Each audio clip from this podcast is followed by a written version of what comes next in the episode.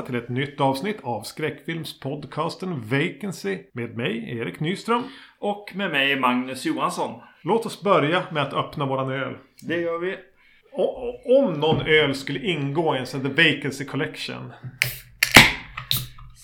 Så är det den här ja. Ja, det är, det är en av den, Omnipollos eh, Nebu- Nebukadnezar. Nebukadnessar. Precis. Som vi, jag vet alltså, det jag framförallt förknippade med var att vi pratade om, när vi pratade om Walter Hill-filmer så drack vi den. För att vi tyckte att den här söndrade amerikanska flaggan i svartvitt på något vis passade bra. Det är bra. Eh, och då fanns den på flaska. Sen var den borta från bolagets standardsortiment under en period. Mm. Eh, men nu har den börjat dyka upp på burk. Och om man glömmer bort vad den heter så kan man ju be om skeppet i eh, The Matrix va?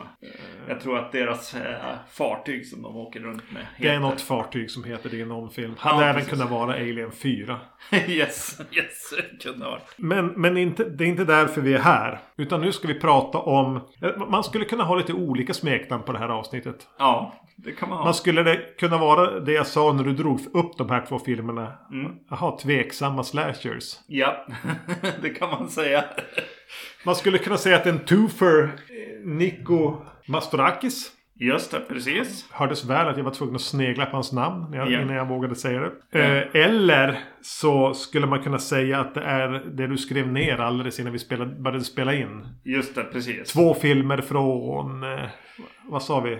88 Films. eh, De har gett ut eh, no, eh, filmer. De ger ut filmer under, under epitetet Slasher Classic Collections. Ja men Slasher Collection, ja. Ja, Classics. Ja Classics. Jag vet inte. Och, Bred definition på begreppet klassiker. precis. Eh, det är väl några som, alltså precis som eh, om det skulle stå Giallo Collection så, så är det någonting som jag har börjat köpa på mig. I, I tro om att de här kommer vara slasherfilmer. Men ofta är de ju inte, inte det för att alla slasherfilmer har vi redan koll på. Men, men de två filmerna vi ska prata om här var, hade jag aldrig hört talas om. Nej. Och vilka är då det? Det är Blind Date från 1984 och Dark Room från 1989. Och vi kan väl återkomma kanske till om vi skulle ge någon av de här stämpeln slasher. Precis, precis. Eh, eh, jag, nämnde redan att det fanns en sammankopplande länk där med eh, Niko Mastorakis. Mm. Han har i princip gjort allt med Blind Date. Just det, precis. Jo. Eh, eh, manus, regi. Eh, Producera. ja. Eh, och det var inget namn jag hade hört talas om. Nej. Eh, så under de lite långsammare partierna i Blind Date så satt jag på Wikipedia. Eh, och upptäckte att eh, han lever fortfarande. Han är född tidigt 40. Mm. Han är grek och slog igenom i Grekland sent 50-tal som en eh, radio-DJ, radiopersonlighet. Mm. Och blev på något vis en stor kulturpersonlighet under 60-talet. Ja. Framförallt på radio var, var, en, var i, nästan ensam om. Nu ska vi komma ihåg att det här var vad Wikipedia-artikeln ville göra gällande. Ja. Men nästan den som i Grekland introducerade popmusik. Han hade Mm. en intervju med Beatles. Han var en av arrangörerna till en av de första stora eh, rockkonserterna i Grekland med Rolling Stones sent 60-tal. Mhm. Eh, han gled sen över och, och började bli något av en tv-personlighet men var även en reporter. Grekland var under den här tiden, första halvan av 70-talet åtminstone, under no- någon form av regim. Mm. Jag, jag vet ingenting om, om grekisk politisk historia. Nej. Och han var lite eh, en ganska auktoritär regim. Någon slags militärjunta. Han var lite, hade något av och på förhållande med dem. Ibland stötte han sig med dem. Mm. Och blev, blev cancellad. Och så kom han tillbaka och fick göra något för han var ändå så pass populär. Han, någon gång 73, 74 eller när det var så var det en revolt. Mm. Studentrevolt som det brukar bli under regimer som slogs ner och fängslades. Och han fick då göra intervjuer med de här fängslade studenterna. Mm. Vilket eh, i princip bara var ett beställningsjobb från regimen. Eh, där torterade studenter sa vad regimen ville att de skulle säga. Och han hade de här intervjuerna som den stora mediapersonlighet han var. Mhm. När sen regimen eh, störtades eller föll typ ett år därpå. Så var inte Matsorakis så... Så är rätt nu. Mastorakis. Jag kastar om S och T. Ja. Mastorakis, då var inte han så populär längre så han fick lämna Grekland. Och då tänkte han film. Ja, just det. Och gjorde ju någon gång i mitten av 70-talet någon sån här Island of the Dead eller någonting. Just det. Och gav sig ganska snabbt in i... Eh, jag tänker att han försökte efterapa Italien eller Spanien möjligtvis. Mm. I att göra lite eh, exploitation, skräck, eh, filmer som han kunde sälja in till Europa. Och han fortsatte väl att göra det under 15 år innan han jobbade sig tillbaka till Grekland under tidigt 90-tal och hade, hade någon sån här egen tv-kanal där och Mm. Ja, så, så, allt annat än en regissör i grunden. Men tänkte liksom att han, ja men jag är ju ett namn. Just det. Ja. Då kan jag väl göra film. exakt, exakt. Jo, men det finns lite i det där. Han, han är ju både varit regissör och producent mycket också. Ja. Eh, och det finns några där som är lite såna här, eh, alltså det är ju lite B-film, se med kompisgänget, kanske till och med lite så här eh, där det är lite för dåligt för att se det själv. Rent av. och eh, Men du hade sett någon av hans grejer tidigare? ja, jag har sett någon... Någonting Blood någonting? Ja, precis. Vad hette den då? Blood Tide, ja. Ja. Just det, precis. Ja, där, eh, där, eh, vad heter han? Darth Vader är med. David Prowse? Nej, nej, nej. James Earl Jones? James Earl Jones jag erkänner bara en Darth Vader. exakt, exakt. det är bra. Precis, någonting vid, vid havet. Jag minns inte så mycket. Nej. Jo, lite, eh, något har man sett. Så det kanske är något som kommer tillbaka liksom. Men eh, det, vi är ju på, på B-film. Det är vi ju definitivt här. Oh ja. Ja. Så Blind Date från 84 låter som skulle kunna vara en romantisk komedi. Skulle även kunna vara någon, någon klassisk slasher, amerikansk slasher. Ja, ja precis. Eh, den är en liten soppa att beskriva. Mm. Men om jag gör ett försök nu ur minne, jag har inga noteringar. Eh. Så en ung, lite yuppie, om vi får kalla han för det Ja. nästan, blir blind Mm. i en... och ger sig in i jakten på en mördare. Ja. Ja, ber om ursäkt för det något stolpiga presentationen. Yuppien spelas av Joseph Bottoms. Det är Ja. ett efternamn man inte skulle vilja jobba med egentligen. Eh, precis. Men, men man kan säga att den, den utspelas i, i Grekland. Och den gör även en grej med det. Ja, Att, att när, när huvudkaraktären presenteras så, så säger han att han har varit typ i Mellanöstern och jobbat ett tag. Ja. Han berättar om sig själv som han skulle skriva ett CV när han har sökt jobb. Just det. Och jag är ju egentligen på väg tillbaka till, till USA, för jag är ju därifrån. Ja. Men jag tänker att under en, jag känner mig inte riktigt redo. Jag vill utforska mer av resten av världen innan jag ger mig in i... Han är ju reklamare egentligen. Ja, precis. Eh, innan jag ger mig in på Madison Avenue så behöver jag liksom en så här tryckkammare för att bara kalibrera mig själv lite grann. Så därför vill jag jobba. Jag tyckte Ja. det var ett ganska snyggt sätt att eh, presentera en karaktär. jo, jo, jo, det är nice. Han får läsa ur sitt personliga brev i CVt. Yes. Men, men den är regisserad av eh, vår vän Nico Ja. Mastorakis. Mastorakis, ja. yes. Eh, jag tyckte att det var så roligt på IMDB så jag måste läsa upp vad, vad, vad någon har skrivit om vad den handlar om. Eh, Bara första meningen är så bra. A man goes blind when remembering his lost girlfriend. But the do- doctors can't find anything wrong with his eyes. Nej, Det tycker jag är väldigt bra. det är också en korrekt beskrivning. väldigt märkligt. Eh, Är vi beredda att bara... Vi, kan, kan vi börja bara prata med om hans resa? Eh, Här är Joseph Bottoms. Mm. Eh, jag tycker, om jag säger det direkt, det är inget fel på han som leading man. På 80-talet fick du antingen liksom de stora Harrison Ford eller Clinton eller någon. Ja. Eller så fick du ett gäng som var ungefär så här. Just det, precis. Där C. Thomas Howell eller David Hasselhoff för den delen. Alltså, Ja. Inte helt dåliga. En del kanske till och med kunde bli bra. Men de såg ungefär ut så här. De kändes ungefär så här. Jo, precis. Han är kanske lite bättre än, fler, än några av dem. Jo, jo. Eh, det är ju en väldigt eh, skön... Ja, men jag vet inte. Man kommer in i den här filmen ganska skönt. Det- är så här 80-talsmusik. Det är, det är inte neon per se, men det är så här eh, Mätaren får man se någon sån här bild, digital bild på eh, i rött och så sen vad heter det så är det extra liksom mörkt allting. Eh, det som syns är egentligen reflektionerna av ett fönster eller, eller metall liksom eh, på, runt en bil. Eh, det det har, en, har en viss stil kan jag ändå tycka här i början. Som Mm, gör en mm. att bara, ja, ja men det här kan ju bli kul. Lite, lite så här eh, Miami Vice kanske. Eller liksom, ja någonting, någonting har den här. Miami Vice i Grekland. Eh, precis. Jo. Eh, och så sen kommer det in eh, det, den här mördaren som vi blir presenterad på. Eh, Skalpellmördaren eller vad vad fan heter, vad han nu får heta. Han drogar kvinnor, eh, ritar upp eh, streck på deras kropp och sen... Dissekerar typ Ja. dem. Ja. Den är ju väldigt eh, blyg, den här filmen. ja, just det. Mm. Den visar ju in, ingenting. Nej, nej, nej. Så på så vis är det ju...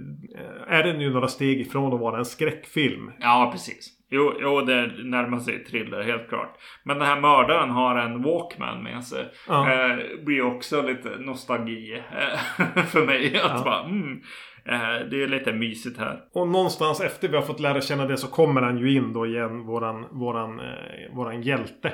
Ja, Och han är ju, ja men han är reklamare. Men han ska jobba i Grekland ett tag. ja. Så vi får en liten, där han är på ett jobb, tror jag. Mm. Det är där de dyker upp då. Valeria Golino från Hot Shots. Ja, ja exakt. Jo, han får ett, får ett jobb eh, kring någon reklamfilm där det är eh, lättklädda bikinibrudar eh, som springer runt och står inne i ett stort shoppingcenter egentligen. Ja. Och åker, åker i de här Rulltrapporna ja. Ja, precis. Rulltrappor och hissar och grejer. Och eh, ja, men då dyker hon ju upp där. Ja. Och när jag, när jag ser att hon ska vara med i filmen eh, från Hot Shots där hon är fantastiskt bra ju. Ja. Eh, och hon är ju med i Rain Man också. Och vad heter det, har en roll där. Men då tänker jag, oh, hon kommer väl säkert ha en liten större del av filmen här. Nej men det är sekunder. Ja, Alltså, och precis. de är kanske inte ens fem. Nej, exakt. Eh, Hon måste ju ha haft en modellkarriär innan hon blev skådis. Och att det här var en roll hon fick av sin modellagentur. Exakt. Jo, jo precis. Jo, jo, hon står med i någon bild där. Och det är allt. Ja. Lite tråkigt. Hon är ju bra. Ja, man gillar ju henne. ja, jo. Eh, kanske framförallt för att jag alltid blir liksom knyter det så mycket till hot shots. ja, precis. Så att jag alltid väntar att hon ska säga, alltså, så här, flämta fram något lite konstigt kul. Um, Kirstie Alley är med också. Hon är hans eh, älskarinna eller, och eh, kollega. Just det, precis. M- Men redan här vid den här photoshooten Mm. så förstår man ju att han bär på någonting. Mm. För att en av de här kvinnorna där påminner honom om någon. Just Det. Marianne eller någonting. Kan det vara du? Nej, det kan inte vara du. Ja. Ja, vi får sen presenterat för oss att när han var yngre så hade han en, hans flickvän. Och han blev typ, som jag tolkade det i en ganska behagligt luddig tillbakablick. Mm. Utsatta för ett överfall där hon blir grupp, utsatt, för en, utsatt för en gruppvåldtäkt och han nedslagen så han kan inte förhindra den. Nej, precis. Eh, och att sen dess har de aldrig setts för att hennes föräldrar vill inte det. Nej, precis. Ja, Och att han, hon har på något vis bara hängt kvar där hela tiden. ja exakt. Vilket ju får honom att framstå som en potentiell Giallo-mördare. Ja, exakt. Ja. Eh, och när han får syn på den här, vad heter hon? Rachel tror jag, en av de här kvinnliga modellerna. Mm. Så blir han ju nästan besatt vid henne. Samtidigt som han ju har den här affären med Kirstie Alleys karaktär. Vi måste bara, även Kirstie Alley är med. Det känns jättekonstigt. Ja, precis. Jo, jo, det känns konstigt att det är, det är 84 och jag tänker att hon redan har en ganska stabil karriär här. Men det, det är ju senare som hon dyker upp ändå. Eh, Jag tänker att det var precis i starten. här. ja, exakt. Eh, att, att hade man vänt, alltså det här handlar nog om månader egentligen. Ja, precis. Jo. Att, så skulle hon aldrig ha skrivit på för att göra den här. Nej, exakt. Men hon är väl också rätt bra. Jag Ja. tycker att de flesta är rätt bra här.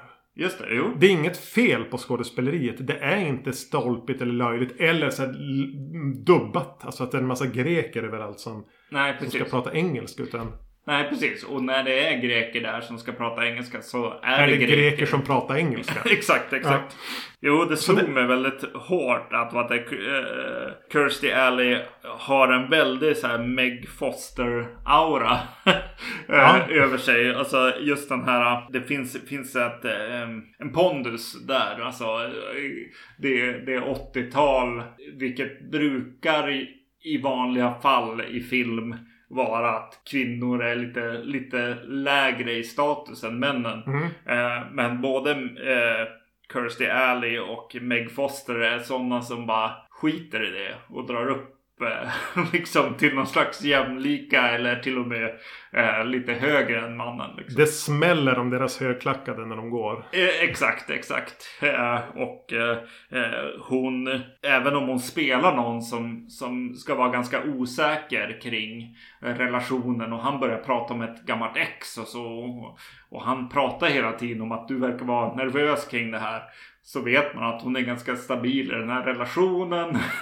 Ja. bara för att det är Kirstie Alley på något sätt. Det är någonting där som bara äh, vänta, det, det limmar inte helt för mig. Att så här, ja men jo visst. Eh, men det är väl också att hon har en ärlighet med det också. Hon säger som det är på något sätt. Eh, så det blir en karaktär som, som får lite mer djup än vad man kan förvänta sig kanske. Men han är ju väldigt osäker själv. På, Ja, på sin det. relation. För han stalkar ju då, den här eh, modellen. Ja, Och exakt. följer efter när hon är på en dejt med en kille. Till och med till så Lovers Lane eller vad man ska säga. Där de ska ut för att hångla i bilen. Mm. Så kan inte han låta bli att följa efter och smyga och kika in genom bilen. Vilket leder till att hennes dejt börjar jaga honom. Ja, just det. Helt rimligt. Ja, Han är ganska svår att hålla på våran hjälte här. Egentligen ja, ja precis. i, i, så är det ganska lite som säger att vi borde se honom som någon som en hjälte. Ja, exakt. Nej, han är... Och då, då springer han iväg jagad av, av, av den uppretade pojkvännen och typ råkar slå huvudet i ett träd och blir blind. Ja, exakt. ja. Ska ta en liten parentes info då? Ja. Jag skulle kunna ta den nu, jag skulle kunna ta det i slutet. Jag tror den passar bättre här. Ja. Den här eh, som påminner honom om eh, hans ex. Ja. Den skådisen heter Lena Clarkson. Mm. Och det var hon som blev mördad av Phil Spector. Jaha. Okej. Ja. Det, det var någonting hela tiden när jag läste namnet. Att det surrade som ett litet, liten mygga i huvudet. Vad fan känner jag igen Ja, namnet? shit. Ja, okej. Ja. Skulle dröja nej, 20 år. Just det. Just det. Oj. Ja. Får vi ta en stund här och samla oss lite. Ja, exakt. För det är ju när det, och den tar sin goda tid den här filmen. Det parallellklipps lite grann med att vi har skalpellmördaren som Ja. skördar off- offer. Och kanske är det meningen, kanske är det inte meningen att man ska tänka. Men är det vår, vår hjälte här som är mördaren? Jo, precis. Han, eh, hjälten gör ju massa konstiga saker. Han börjar titta på folk i kikare liksom in i hus och grejer och så här ståka. Ja, han s- Eh, går över är alla henne- gränser. Ja, Ja, det är henne han stalkar men han... Ja, och när han tittar på henne genom fönstret också så, så har filmen eh, den dåliga smaken att börja så här spela lite så här romantisk musik. Ja. när hon klär av sig där i sitt, i, i vad hon tror är sin ensamhet. Han gör ju aldrig en vändning heller. Nej, nej, nej. Han stalkar ju henne genom hela filmen. Ja, precis. Jo. Tur han har Kirstie Alley som är så trygg i sig själv där. Ja, exakt, exakt. Jo. Eh, jag måste, eh, precis. Och hela tiden eh, under filmen så, eller hela tiden, men tidigt i filmen i alla fall så får vi några av de här skalpellmorden. Och då måste jag kolla ut en annan skådis som eh, kanske inte är för, för oss så vanlig så här. Men det är någon som jag, jag kände igen i alla fall. Och det är Marina eh, Sirtis. Sir, Sirtis, någonting sånt heter hon. Kan hon ha grekiskt påbrå? Ja, exakt. Förmodligen då. Hon spelar en prostituerad som blir mördad. Mm. eh, I en scen bara. Eh, hon är med i Star Trek Next Generation och är med i huvud liksom. Casten där eh, spelar. Eh, eh, jag kände igen henne. Jag är så dålig på namn. Men hon heter Troy i den. Ja, jag, har ingen relation till Star Trek. Nej, nej precis. Men jag, jag såg en del när jag var liten så här. Sånt som bara var på när man Just kom det. hem. Men har inte Kirstie Alley varit med i någon Star Trek-grej också? Jo, men det har hon nog varit. Jo, Det måste ju ha varit runt den här tiden. just det. Är det Ja, valfilmen eller är det, vad heter den? Khan? Wrath of Khan? ja nej jag vet inte. Nej. Ja, Eh, han blir blind. ja precis. Han springer in i en trädgren och blir blind. Och det är väl den, konstigaste liksom förändringen i den här filmen. För att vi, vi tänker så här, åh vi har Slasher Classics Collection här. Ja. Och bara, nej men det här är ju mer av en thriller. Jag förväntade mig kanske mer av en thriller själv. Mm. Men eh, här kommer det ett sci-fi del på något sätt. Eh, När han träffar eh, Dr. Exposition. ja precis. Spelad av Keir Dahlia. Jag vet hur, riktigt hur man uttalar det. Man blir alltid lika osäker. Ja, Dahlia. Ja, 2001 Black Christmas. Just det, exakt. Och eh, han förklarar att han, han har... Han hittar ju inget fel på ögonen egentligen. Du borde inte vara blind. Du kanske har något trauma bara. Ja. Eh, så någonting kanske... Jag, jag personligen som tittare tänker ju... Ja men det här kan ju lösa sig. Precis. Lös liksom. Rädda henne. Ja, Hon som är lik ditt. Som du inte kunde rädda så kommer du att kunna se igen. Eller ja, något sånt. Mm. Men eh, här så introduceras en ny teknik som man har kommit på den här eh, läkaren. Som gör att eh, man i princip kan eh, med ekolod kanske lura hjärnan att se ändå. Ja. Eh, via en mackapär som han har byggt in i en Walkman. Mm.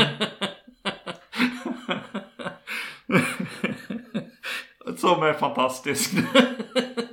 Så han går runt i ett par lurar. En Walkman. Och så, de har även opererat in någonting i, ja, i huvudet. i huvudet på honom. Han säger är även. Gör du den här operationen. Mm. Så kommer du aldrig att kunna se igen. Nej, Jag gör det. jag gör det. Det är värt det. Det är värt det. Jag har varit blind i tre dagar. Jag står inte ut. Precis, så, så det som händer är ju då att han gör den här operationen och börjar kunna typ halvse då.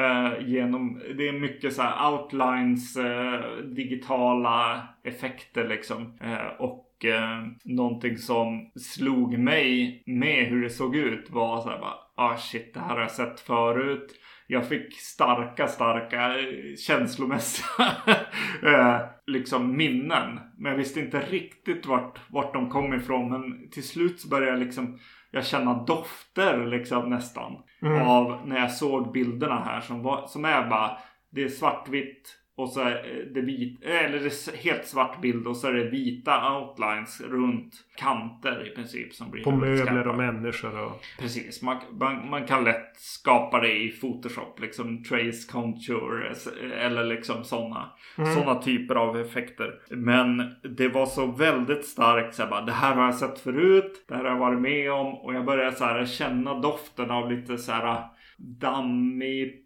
plast, gummigrejer så här. Och eh, insåg att det var eh, den här kameran som vi gjorde lite film på när vi gick i sexan liksom.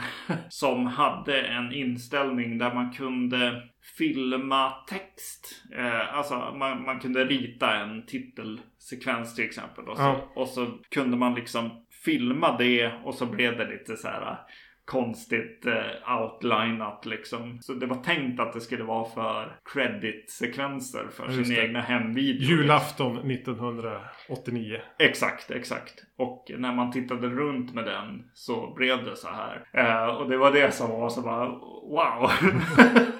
Jo men jag tycker att det är lite, det är verkligen videoeffekter. ja, ja. Och det är lite skönt sätt. Jag tyckte det var mysigt att vara inne i dem hela tiden. Ah, Och med ljudet att, att, att de skapar en eh, känsla av att det är ett ekolod. Så det är lite brusstökigt, eh, pulserande hela tiden. Och att ja, han får inte vara i det för länge. Den skapar ett och ganska snabbt lite regler för det här. ja, Den spelar in.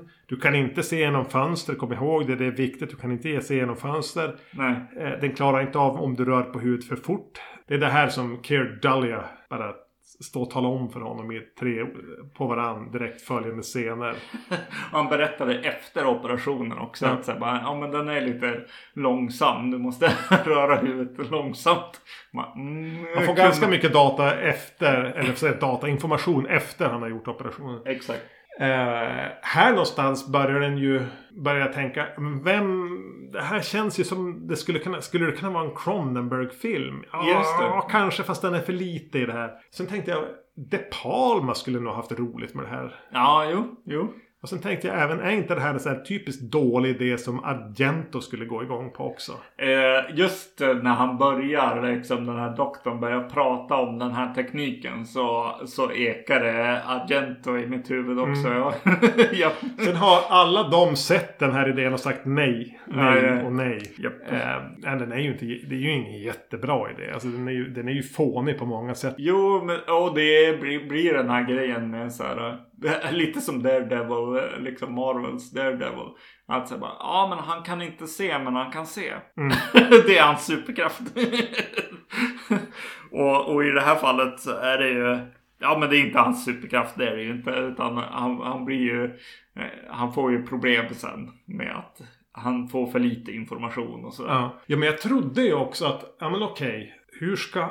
Det är inte han som är mördaren. Nej, precis. Men mördaren har vi fått noga presenterat för att han har också en Walkman. Och de är ju, har ju så bara, Kommer på något vis deras så här, kommer någon frekvens, kommer någonting att mixas ihop här? Vad är det som, Ja, vad är det som gör? Eller kommer han att pejla in fel grejer med, med, med sin, att tekniken här är ju verkligen på teststadiet. Precis. Men nej, ingenting han gör Nej, hade han ju kunnat göra om han hade varit seende. Det är Nej, precis. snarare ett hinder. ja precis. Ja.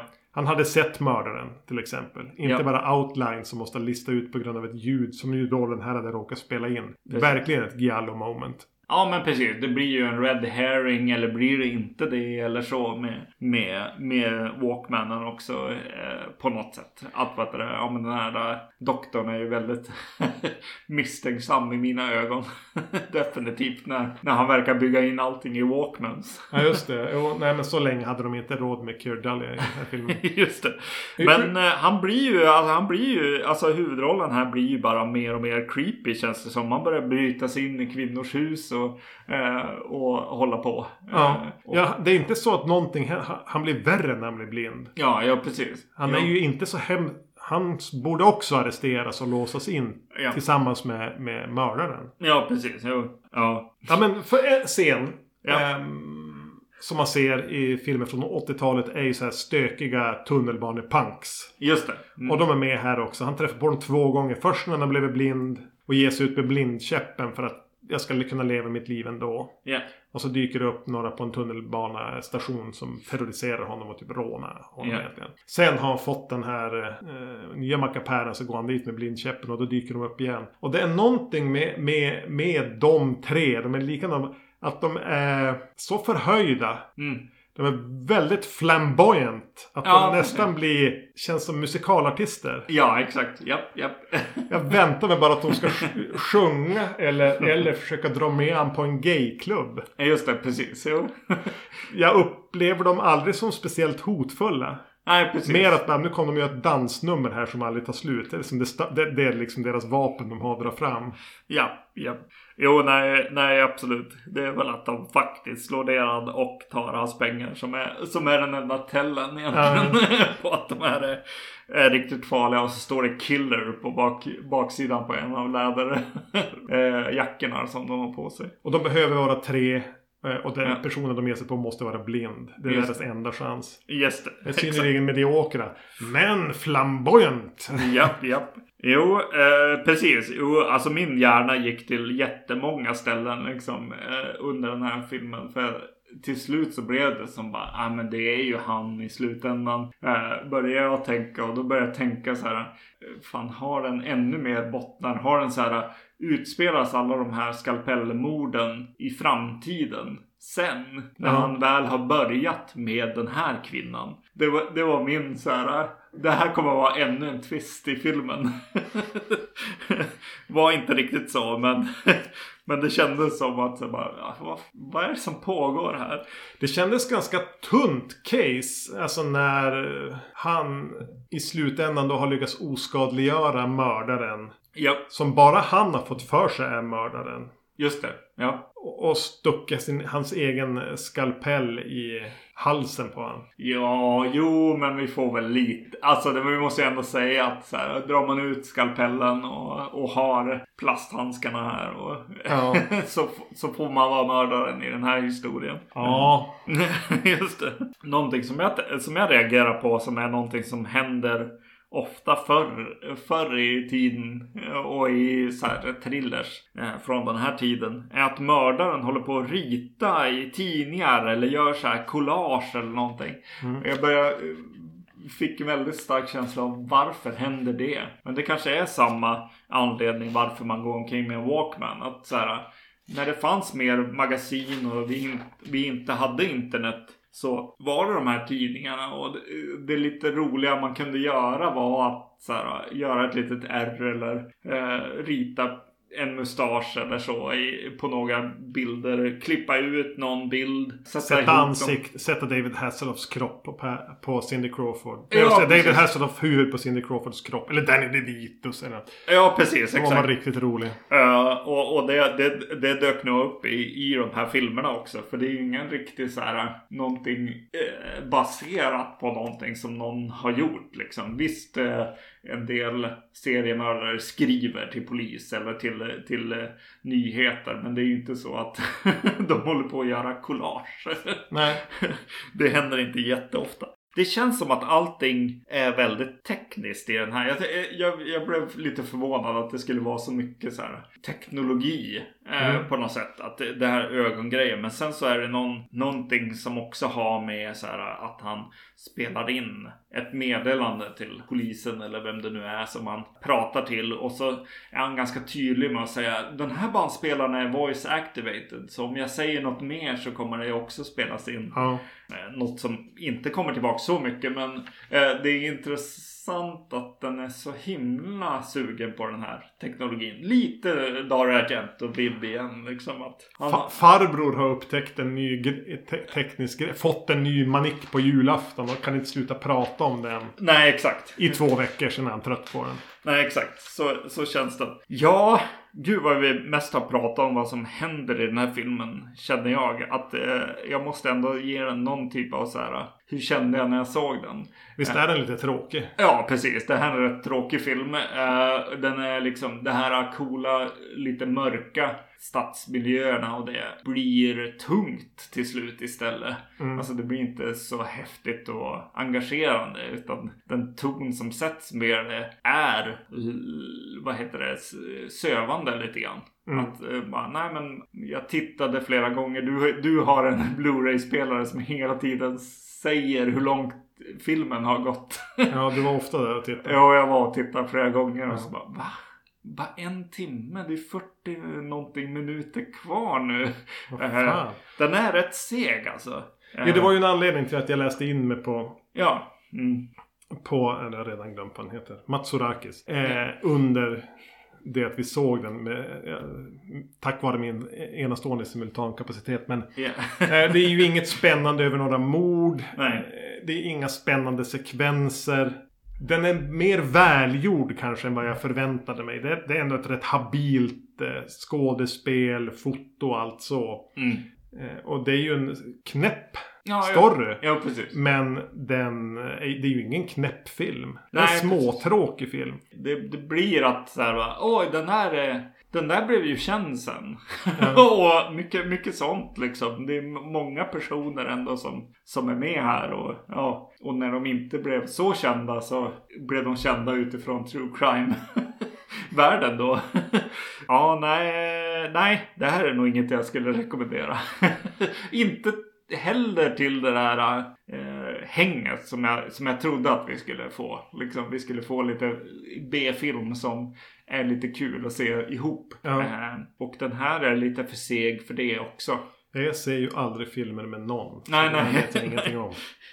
Det är Precis. du som är ett socialt djur i det Just här det. sammanhanget. Ja. Eh, På tal om hängfilm. ja.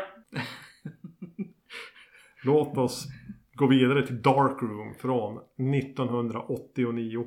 Just det. Här har han inte... Hade han producerat den kanske? Han är... Eh, de, de två credits som jag såg var Executive Producer och eh, så hade han faktiskt regisserat och gjort förtextsegmentet. Eh, vilket han faktiskt eh, dyker upp väldigt eh, storslaget i, i slutet. Det är han och regissören som får de största credits. Just det, innan vi går in i, fil- i slutet av förtexterna. Ja, precis. Ja. Eh, så han har nog varit inblandad på något sätt i alla fall. Var skriven av två personer. Det, det stod ju bara original screenplay. Två personer och så sen screenplay. En annan person. Jag vet inte. Det lär väl inte vara en remake. Uh, Kommer jag på nu. Men, nej. men uh, Och det var no names allihop. Även ja, om vi konstaterat att en av dem såg ut att tillhöra maffian. Just det, exakt.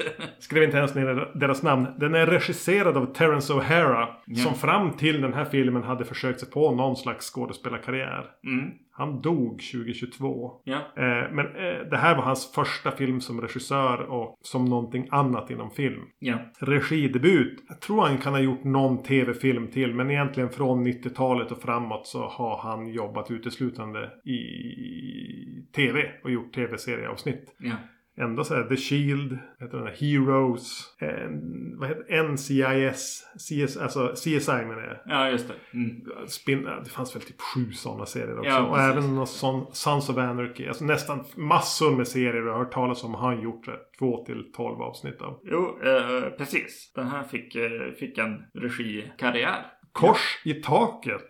Ja, kanske. Jag, jag vet inte. Jag vet inte. Vi kan nog prata mer om det i ja. den här filmen. Den är yes. tydligen inspelad. Det här Blind Date. Dålig titel för vad det var för övrigt på Blind Date. Ja. Eh, den, det var ju en film. Den hade ju en budget. Det här är ju C. Nu är vi nere på C-nivå. D-nivå. Ja. ja.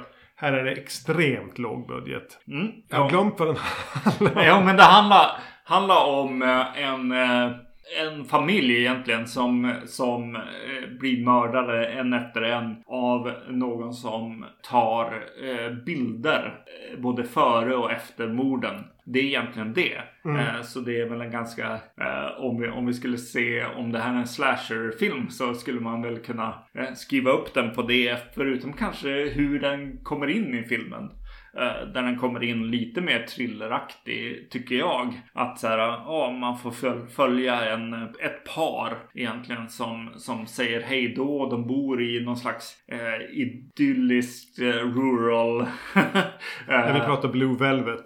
Ja exakt, exakt det. Men också det är ännu mer på landsbygden. Det här ja. är inte, inte suburbia utan det här är någon slags landsbygd. Men med, med att all, varje familj i alla fall hade råd med en envåningsvilla. Liksom. Och en har, liten gräsplätt. Exakt. Och, och eh, de säger hej då till varandra på gräsmattan eh, här framför eh, rosbusken. Och eh, det är någon som fotograferar dem här innan eh, eller under det här. Och jag får, får mer thrillerkänsla. Alltså om det är något tekniskt med, liksom som, ett, som en kamera, eh, så får man ju den. Men ganska snabbt så ser man att eh, mördaren, samtidigt som hon håller på, eh, eh, frugan är kvar, Eh, mannen har åkt till jobbet och eh, eh frugan ska göra en kladdkaka eller någonting sånt. och mellan att eh, kladdkakan görs och eh, eh, så klipps det till att mördaren håller på och sätts upp i sin get-up liksom. Mm. Eh, vilket är väldigt så här eh, genomtänkt på något sätt. Eh, Just att te han tejpar åt runt ärmar och fötter på något vis. Så att det inte ska komma ut några vadå, hårstrån eller fibrer från honom. Det var här jag tänkte direkt på. Men det kanske är maffian som har skrivit den här. Ja exakt, exakt. exakt jo. och han tar på sig sådana här, inte kirurghandskar i det här fallet. Jag tror att tanken är att det ska vara lite mer såhär kemikalie... Mm, eh, grövre kirurghandskar ska man väl säga. Ja exakt. Sen en, en liten yxa och ta med sig sin kamera.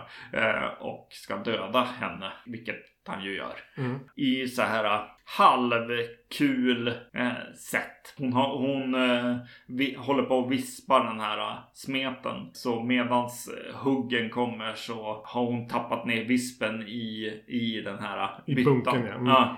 Och eh, det vi får se av splatter liksom är, är lite av den här choklad, liksom kladdkakan som kommer upp mot, mot eh, skåpen. Liksom. Mm. Här kanske man kan säga att det finns någon liten re- regissör som har varit framme och varit lite kul.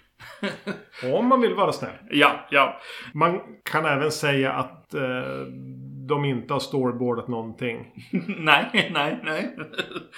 Utan de har filmat och sen klippt. ja. Och att de uppenbarligen haft lite för lite material. Jo. Så man blir lite åksjuk. Det är lite halsbrytande klipp mellan en närbild när hon vispar, när mannen kör bil, när någon håller på och tar, på, tar tag i en yxa. Ja. Det, det finns ingen, ingenting som länkar ihop det här till ett, till ett berättande. Utan det är klipp Ja. utan tanke, utan känsla. Ja, precis. Det, det man kan ge dem i den här lågbudgetvärlden ändå som vi är i. Nu pratar vi om hela filmen egentligen. Att hur den är klippt och att den har... De har alltid skapat någonting att lappa eh, klipp emellan. Även om det är dåligt och det blir tafatt och man blir lite så bara... De är alltid lite vilse. Ja, precis. Eh, Men de har alltid någonting att klippa till och det är väl det. Är det John Carpenter som brukar kalla det för eh, hundar? Ja. Alltså att filma alltid en hund som du kan klippa till utifall att du har glömt eh, någonting. Och det använder de väldigt ofta i den här filmen. Att säga bara, ja men eh, vi gör en närbild på kameran eller vi gör en närbild på en dörr som går i eh, stängs. Ja. Så att vi åtminstone kan göra övergången mellan ute och inne om vi behöver det. Så ja, det är väldigt hoppigt och rätt risigt eh, klippt och eh, de har inte mycket att leka med men de har i alla fall gjort jobbet kan jag tycka ändå. Mm. Att så här, bara, det fanns någonting att ta. Det var ju lite Roger Corman-fart på den här. De spelade tydligen in den på 12 dagar eller något sånt där. Så vi, vi, får, väl, vi får väl ändå vara beredda att säga okej då. Med tanke på tiden.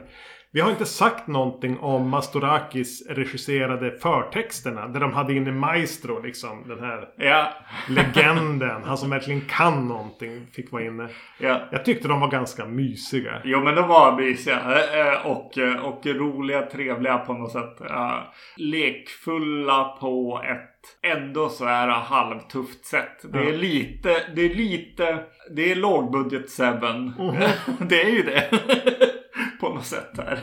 För er som aldrig kommer att se den så är det någon som lägger ner så här fotopapper i så här bad. ja precis, i, i, i mörkerrummet. I ja. mörkrummet. Ja precis. Eh, dark room. Ja. Och på de här står då uh, written by och screenplay by och namn på skådespelare. Precis, och ibland är det en projektor som tittar på negat- negativ så här och, och, Ja. och namnen kommer dit och läggs i ordning liksom. Ja. Jag skulle som vilja veta hur det såg ut när det gjordes och vilka som var där och gjorde det och vilka som gjorde resten av filmen och, och vilket som tog längre tid. Just det. ja, det är sant. Jag tyckte den var som värst i allt det här för lite material under den här första sekvensen. Och här kommer jag ofta på mig själv med att tänka ofta om, om den här typen av filmer med den här typen av budget. Att, Mm. Ja men visst var det värst i början. Ja, just Vilket väl måste handla om att jag sakta ställer om och sänker mina förväntningar. Ja, Men jag tror att den där första sekvensen var i vissa avseenden kanske den slarvigaste. eh, Mm. Med kladdkakemordet. Och, ja, precis. Jo, för sen så känns det som att vi börjar dyka in i eh, slasher-gänget på något sätt. Vi, vi presenteras för ett, eh, en familj och... Eh, Jag ska säga om familjen att alla barnen är ju vuxna. De Ja, är precis. ju mellan 18 och 25 kanske. precis. Och så finns det en mamma där och en morfar. Just eller det. farfar eller vad fan det är. Mm. Och så ska det komma in eh, en eh, av döttrarna har med sig en eh, pojkvän. Eller Mm. i sambo egentligen. Eh, som eh, är där för att hälsa på. Han gillar att fota. Ja, han gillar att fota, ja. Precis. Eh, han påminner mig väldigt mycket om han Hans Solo eh, skådisen som är med i Hail Caesar också. Som jag, Han har ett namn så här Herker. Just det. det det han, Han som aldrig blev någonting. Trots att man trodde efter Hail Caesar att bara fan här har vi någonting. Här har vi nästa stora. Ja, Och så fick han göra Han Solo. Och nu jobbar han på Dunkin Donuts förmodligen. Precis. Här har han stor hockeyfrilla och är en annan person såklart. också. Men eh, som, som kommer dit. Eh, jag måste bara... Jag säger att ganska tidigt när det här har hänt och man börjar gå omkring i de här markerna och så. Eh, och man förstår att eh, det kommer att bli eh, mord efter mord med de här fotografen. Liksom. Eh, att det är någonting med ett ensamt hus i skog, i, nästan i skogen. Eh, någon som smyger runt. Eh, de här eh, syrsorna som hela tiden låter både inomhus och utomhus. Eh, eller då om det är dagtid så är det fåglar som sjunger. Det känns mycket trevligare för mig. Alltså det är någonting som bara, ja, ja men jag kommer hem till slasher-genren helt enkelt. Eh, det känns mycket trevligare än att vara i en mörk thriller med så här eh, konstiga sci-fi element. Mm. Och det som känns långsamt här känns mycket mindre långsamt för mig. För att jag är helt van. Jag bara, så här ska det vara. Den är ju otroligt on location också. Alltså Ja. de, de är mycket ute eller går i en lada. De är i ett riktigt hus. Ja. Det märker man med tanke på att skådespelarna hela tiden måste hitta sätt att gå mellan en säng och kameracrewet. Mm. De tränger, går ofta tryckta mot väggar hela tiden. Så att det här är inte sets utan det här är ett, Ja. ett hus de är i. Och här kommer ju från min barndom. Alltså att så här, jag växte upp med, med slasherfilm och, och nakenhet fanns där. Mot för i Blind Date där det är ganska mycket naket. Alldeles för många duschscener och, bröst och sådär. I den här lite mer kallare stadsmiljön. Det som var liksom så här lite awkward där och lite jobbigt så här male-gazigt. Här, här bara blir det konstigt nog lite mer oskyldigt för mig. Alltså det är nog för att jag började se de här filmerna när jag inte riktigt var... var... Du hade inte the male gaze Nej, på exakt. kvinnor när du började se dem. Nej, exakt. Så det här är som bara, ja men naturligt nästan. Ja. när. Otroligt personligt take på den. Jo, jo, jo, det blir ju så. Men, men två saker du har varit inne på. Steve Mm. kommer dit. Alltså, ehm, hu, han är väl en av huvudkaraktärerna. Alltså, Mm. Pojkvän, flickvän, sambo så här, De kommer till, till hennes hemställe. Ja, Eh, det är någonting med han, att han försöker skådespela så mycket hela tiden. just det. ja, Han ser nästan ut som att han har typ tarmvred. Ja, ja. När han ska vara trevlig och präktig. Han jobbar så otroligt hårt att jag tyckte det var lite jobbigt att titta på att allting blev så onaturligt. Han jobbar ganska hårt med någon dialekt som man aldrig får tag i heller känner jag. alla Ja, han kanske har fått för sig någonting. För här är ju någon som vill bli skådis. Ja, Några av de här vill bli skådisar. Några av dem är väl... ja, Du upptäckte det. Någon var egentligen så set decorator på någon fredag den 13 film. ja precis. Just Så, det. här, men du får väl göra en film då. Ja, Gör, har du fått ur systemet? yes. Att det är lite glada amatörer och, och aspiring actors. Mm. Han har väl ändå haft en, någon slags karriär. Om jag kikar på IMDB. Ja, just det. Och först tänkte jag bara gud vad jobbig han är. Kan inte alla vara lika så här anspråkslöst mediokra? Ja, Men jag tycker att han lyckas jobba sig in i det till slut. Att, ja, men jag är beredd att följa dig nu Steve. Ja. Steve och Janet forever. ja Eh, precis. Men du sa det också det här med de här pålagda jävla syrsorna. Ja, Och de pålagda jävla fåglarna. Och de är så högt mixade hela tiden. ja. Alltså de, och och lo, tydligt loopade. ja. Och det enda som dränker ut dem är en än mer irriterande musik. Ja, Med, med, med 80-talstrummor egentligen och någon, någon trött synt pling. Så det är ju ingen hook. Det är ju ingenting som man har med sig. Det är inget man kan nynna på. Utan det känns som någon bara har suttit eh, med filmen och, och spelat med, med två syntar kanske. ja exakt. Jo, ja. ja. Och, och att de har mixat vissa saker för högt. Och en del ljudeffekter också. Ligger ju så enerverande högt mixade hela tiden. Jo, vi, vi pratade om det med, med eh, först när hon blandar, blandar den här eh, degen. Att vad det, den som har gjort ljuden här har någon fascination med våta ljud. Ja. Det är mycket så här bara Alltså så här bara ganska äckliga ljud. Ja. Eh, och vad heter det, det är någon kyss som kommer ganska tidigt också. Som bara... Alltså bara jättevåt. Ungefär samma ljud när någon rör... När hon vispar en smet som när de kysser varandra. Som sen när det typ droppar vatten i något mörkrum. Ja, exakt. Jo. det, det, så ljudmixen här hade väl kunnat vara lite mer kalibrerad. Det är sällan jag tänker på sånt. Det här ja, brukar jag vara döv inför. Jo. Uh, musiken var ju sån att, att det var tvunget att börja nynnas, nynnas med och försöka komma på när, när någon skulle sätta vantarna på keyboarden. Liksom att bara, här kommer det nog. Man ville nynna in musiken själv. Ja, exakt. Ja. Eh, och den, den går ju från... Ja, men den är väldigt så här slashery och eh, Elm Streety och ja, allt möjligt. Allt. Ja, allt som går att göra på en keyboard liksom. Eller en synt, ja. Ja, jag tycker att eh, alltså när jag då lunkas in i, i att så här, ja men det här är bara en slasherfilm eh, av den där sorten som är gjord på några dagar. Där det mest handlar om att gå omkring i korridorer eller i olika miljöer för att fylla ut tid. Nu promenerar vi till det huset. Vi promenerar ja. tillbaks. Jag fixar det. Jag fixar moppen. Då, då tyckte jag att, vet du, att den här mördaren, att eh, han tar bilder på både före och efter morden. Och så sen hur lite, de är lite, de är både obehagliga och lite slarvigt gjorda. Ja. det, det är liksom så här va, själva tanken kring det är eh, otäckt. Att så här bara, ja men okej, här är en, en slashermördare som faktiskt tar kort på grejerna och folk kan faktiskt hitta dem och titta på dem. Det är lite otäckt och spännande men samtidigt så är, så är det några eh, eh, eh, amatörer som har gjort det här. Eh, eller vad man ska säga. Så alla de här liken känns så väldigt lugna och stillsamma. Nästan avslappnade i de här bilderna.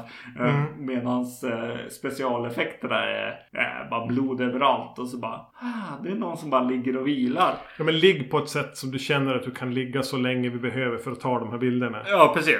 Eh, vilket gör att, att bilderna i sig känns lite som så här eh, gamla, alltså det fanns ju, vad heter de, True Detective Magazine och sånt. Att, eh, där det var i princip pinupper som liksom satt, eh, satt fast eh, kedjade eller kanske till och med låg döda så här. Som skulle kittla de som läste om true crime här. Nu pratar du om någonting jag inte Nej, det här är 50-tals, 40-50-tals grejer som, ja. som fanns.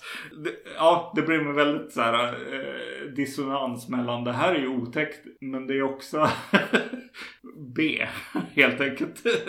Nej, jag vet inte. Jag, alltså, Alltså jag kommer in i den här filmen. Jag ska säga, jag bara, ja men det här lunket och liksom träd och fågelkvitter och mot för då kanske just att vi har sett någon med de här svarta stadsmiljöerna som jag inte riktigt eh, jajvar med liksom.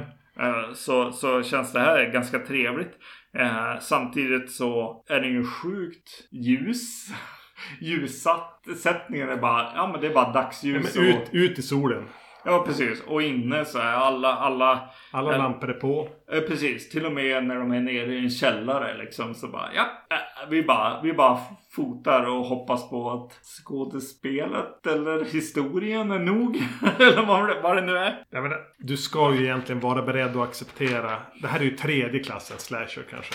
Ja, definitivt. Ja, precis. Du ska ju vara beredd att acceptera otroligt mycket skit vad gäller skådespel, foto egentligen, klipp, eh, ljudläggning. Men jag kan också säga i mina bästa som, ja men det, nu går de här ner vid no, de är ute och går vid några lader och grejer. Men yeah. titta nu är de ju faktiskt och går vid riktiga lader och de går i skogen. Och, då, är, då är jag också med i lunket och yeah. kanske ändå att, att uh, Steve och Janet här, hjäl, hjälteparet. Mm. De, är, de, de är inte sämst. Nej. Ingen av dem. Nej. Jill Pierce, det var du upptäckte. Hon är med i Twin Peaks dessutom. Vad var de? Var Ice Bucket Girl. Ja, exakt. Ice Bucket Girl, vad kan det vara? ja, det är, antingen måste det ju vara på One Eye Jacks. Ja. Eller på hotellet. Precis. Men jag har på något vis lite lättare att föreställa mig henne i så One Eye Jacks outfiten. Just det, ja. Så jag har mm. valt att placera henne där. Jo. En anledning att se om Twin Peaks. Just det, precis. Eh, Hon, hon hade tillräckligt tycker jag. Mm, Hon är inte dålig för att vara eh, sin leading, leading girl. mm, Final girl. Och så tycker jag när det som ska kokas ner till en slags slutfight. mm. Och de rör sig från en övervåning. Någon, mördaren har hällt ut bensin. Och det är en twist vem som är mördaren. Och de slåss i källaren i ett crawl space. Och hon lappar till han med ett järnrör. Och Ja. han blir huggen i benet med någonting. Jag tycker den är rätt mysig. Mm. Jag har sett bättre slasherfilmer med sämre slutstrider. Ja, precis. Och, och det finns eh, just de här filler-typen av, av slasherfilm. Jag kommer ihåg en som heter The Dorm That Dripped Blood eller något sånt där heter den. Känner Eh, igen titeln. Oklart om jag sett den. otroligt seg. Just eh, bara för att den inte har. Den här har typ en red herring. Och det är ju skönt. Ja. Men den, den, den andra filmen är bara. Det här är vad som kommer hända och eh, nu har vi inte mer idéer. Så vi kommer gå omkring och gå omkring och gå omkring och gå omkring liksom. Ja. Eh, Medan eh, den här ändå har liksom familjedynamiken och det finns en liten historia om vad som kunde ha hänt. De kan stanna upp och berätta om en gammal pappa och eh, relationen till vem är barn med vem och, Ja. och sånt. Eh, så de har nog mycket, eller nog mycket, men de har en del att, att ta av här. Vilket är skönt. Eh, jag tyckte överlag så kändes det som att den här filmen hade mer, var mer fartfylld. Eh, hade en lättare stämning i vad den här filmen var. Alltså den är mer lekfull än den förra filmen som är lite mer så här. Eh, jag vet inte om den vill att jag ska tycka att den är lite kul också. Eller om den tycker sig vara Alltså Blind blind, Date. date. Om, om, jag tyck, om den vill vara ganska läskig thriller eh, och hårdkokt. Och om den inte vill det, vara lite mer lättsam, då ser jag inte riktigt det. Och den Nej, har lite svårare att... Den är jättehård i magen den filmen. Ja, precis. Ja. Medan då eh, Darkroom bli- blir... eh, Känns som att den vet vad den är. Mm. Eh, och det tycker jag ändå att... Då, då tänker jag att det är regin ändå. Alltså att, att eh, den här regissören har läst manus. Förstått vilken budget han har och gör en film som håller sig inom den på något sätt. Men jag tror någonstans når du alltid noll där. Alltså han kunde ju inte. Det fanns inget utrymme att feltolka. nej, nej, nej. Jag tror att vem som helst som är med i den här hade även kunnat regissera den med samma resultat. Jo, Och det menar jag inte som kritik. jo, jo, jo, så kan det vara. Jag, tän- jag, Alltså att en bil med slut bensin i tanken. Alla bilar med lika lite bensin går lika fort. Hur stor tanken än är från början. Jättedålig metafor. men- Ja, men ja, och den här filmen har en ganska skev och sjuk historia i botten. Ja, vilket, verkligen. Vilket kanske sådana här slashers ändå hade. De la det ganska tidigt och så sen fick man jobba sig in i att det, det är lättsammare än så egentligen. Ja. Eh, Men, men eh, den här hamnar i någon slags tillfälle där vi vet vem mördaren är. Och så får vi hoppa in som tittare i mördarens fantasi om sitt sista offer och, och vad den ska göra i sängen med den. Och eh, det är liksom eh, sleazy och på något sätt ganska originellt för en slasherfilm. att, att komma Ja, hit. ja. Men det skulle ha kunnat gå... Eh, slisigheten skulle ha kunnat gå överstyr. Vilket den på ett sätt gör. Men, men den håller sig inom sin, eh, sin ton tycker jag. Eh, Men tror du inte det är tom tank som gör det? ja, Det fanns ingen möjlighet att gå överstyr med någonting här. För du hade två veckor på dig att göra den. Du kunde inte spåra ur. Jo, fast tänk då på förtexten alltså. Den som har... Ja men det, de är ju inte gjorda i de här. Alltså, det, nej, nej, nej. något- Men, men om den, den regissören hade gjort den här scenen och den här grejen så skulle det ha varit eh, ett stilbrott. Ett ordentligt stilbrott tror jag från, från vad den var. Alltså det där skulle ha blivit, eh, alltså bara, nej men nu går ni över en gräns här. Men den här håller det kvar i det eh, slasher-läskiga. Ja. men ja, ja, jag vet inte. En sista sak bara om, om, om Darkroom som slog mig nu. Det var att här, kanske trots eller tack vare hur usel hon är så tyckte jag om eh, Cindy här. ja, lilla systern som blir ihjälslagen med en telefonlur. ja, ja. Det var lite jobbigt. Ja, jo det var jobbigt. Ja, jo. Det var någon gången det var jobbigt i filmen. Ja, precis. Hon är med mamman som har just fått dåliga nyheter. En av hennes döttrar har dött. Så hon hamnar i liksom någon slags... Så katatons tillstånd och bara ligger i sängen och är Ja, knappt precis. vaken. Just det här sker inför henne. Ja, exakt. Men det är någonting med Cindy där. Jo, jo. Jag ville att hon skulle få klara sig. Ja, men hon är bra i den här Det är filmen. hon som är set Nej, hon är inte bra. Nu får du Nej, men men hon, det var hon som var set decorator på, var det? A New Beginning. hon är som eh, belysningen i filmen. Alltså att såhär bara, ja men okej. eh, vi tänder alla lysen. Hon är Så naturalistisk. Ja, allt allt jobbiga som någon faktiskt har skrivit i det här manuset får en tuggummi slasher känsla i sig. Och jag tror att hon hjälper en del i, i det också. Att, att hon tillhör att så här, Ja just det, vi ska, vi ska så här, snurra på våra pippilotter och tugga tuggummi också. PJ Souls heter hon ja. just det, Vi, PJ vi satt och Souls. pratade om den i filmen. Vem som skulle också kunna ha spelat henne Exakt. i Halloween. Ja. Ja, men summera. Eh, de är väldigt olika de här två filmerna och det är ju skönt. Ja, jo. Jag tänker att du viktar ganska mycket åt, åt Dark Room i vilken Ja, du föredrar. Jag är mer så här. Jag tyckte inte illa om någon av dem. Ja. Men jag tyckte inte om någon av dem. Nej, nej, det, ja, precis. Det, det måste man ju ändå Jag har lätt... i. Nej, nej, gud alltså. Du ska ju vara ganska långt in ner i missbruket för att ge dig på någon av de här två filmerna. Ja. Uh, Men jag tror i sådana fall då möjligtvis att jag kunde uppskatta knasigheten i den här grekiska giallon. Ja, just det. Ospännande giallon. Ja. Mer än vad du... Jag menar, och den är skulle du ställa... Alltså jag tror att jag skulle kunna ta upp den så här när, när, och sätta den mot ganska många giallos och säga att Jo men den är ju bättre i det, det, det och det. just det. Ja, ja, nej, precis. Jo, jo, så kan det ju vara. jag vet inte. Nej, exakt. Eh, det var väl ungefär som i Blind Date också. Att bara, ja men Dark Room måste man också kanske ta en paus och bara säga det här är inte bra.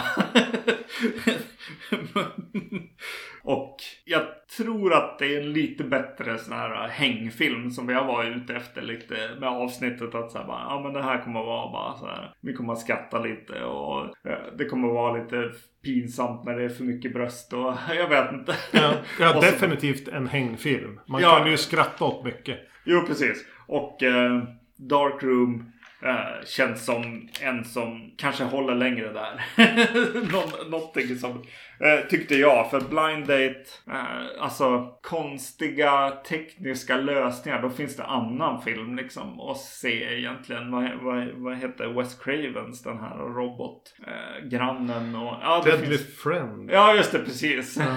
det finns annat där att se. Ja, men jag vill komma till en grej. För, vi, för jag var så här bara. Ja, men om det här är hängfilmer. Då tänker jag eh, ge oss en utmaning innan vi gör det här Ja, avsnittet. du sa det ja. En.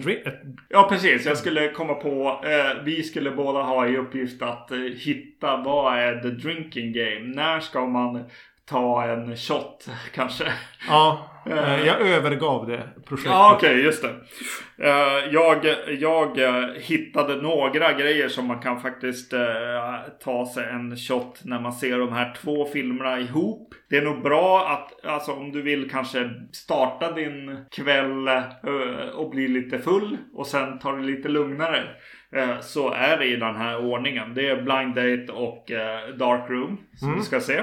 Och eh, det som jag kom fram till var att eh, du ska ta en shot eller en klunk bara. En skåla med dina kompisar när det finns en eh, bad eller duschscen i Ja, filmen. ja. Eh, i, I första filmen så i Blind Date så får du fem stycken eh, sådana.